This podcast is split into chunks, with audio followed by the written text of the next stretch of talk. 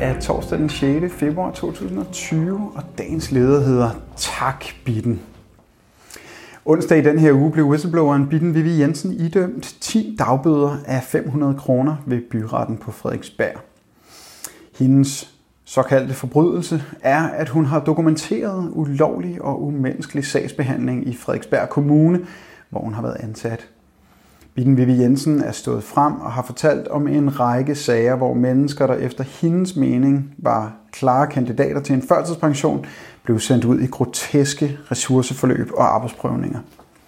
Hun forsøgte først at rejse sin kritik internt i systemet, og da det ikke gav noget resultat, tog hun det drastiske skridt at kopiere 90 syge borgeres sager for at vise dem til en journalist.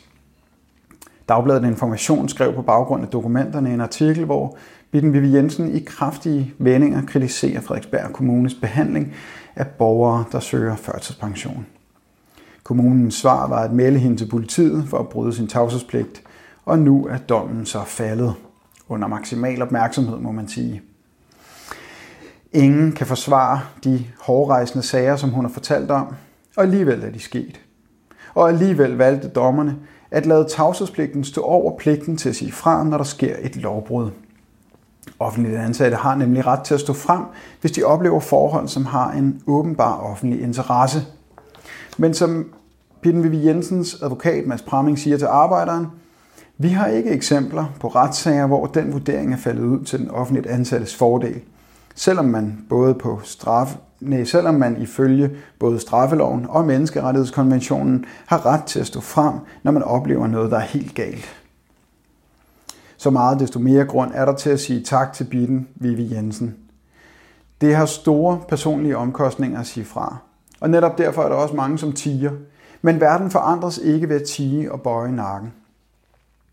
Vi skal dog ikke undlade også at pege på det politiske system, som uden skælen til konsekvenserne har gennemført en rigid lovgivning og en stram økonomisk styring af kommunerne.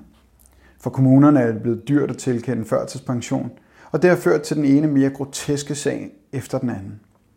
Også kommunalpolitikerne tiger og administrerer alt for villigt.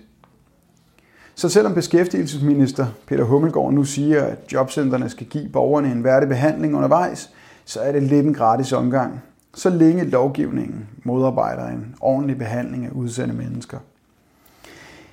Jeg kan ikke leve i et samfund, hvis retssikkerheden ikke gælder for alle, også de mest udsatte, siger Bitten Vivi Jensen.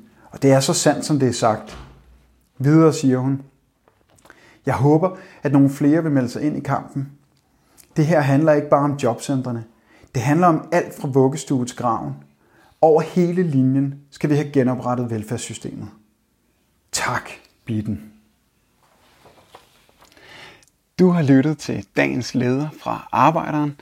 Abonner på vores podcast på iTunes eller hvor du ellers hører dine podcasts. Du kan også klikke ind på arbejderen.dk for meget mere journalistisk indhold. Du er også velkommen til at følge Arbejderen på Facebook, Instagram eller Twitter, samt tilmelde dig Arbejderens daglige opdatering på Messenger. Vil du i kontakt med Arbejderens redaktion, kan det ske ved at sende en mail til redaktion Tak fordi du lyttede med.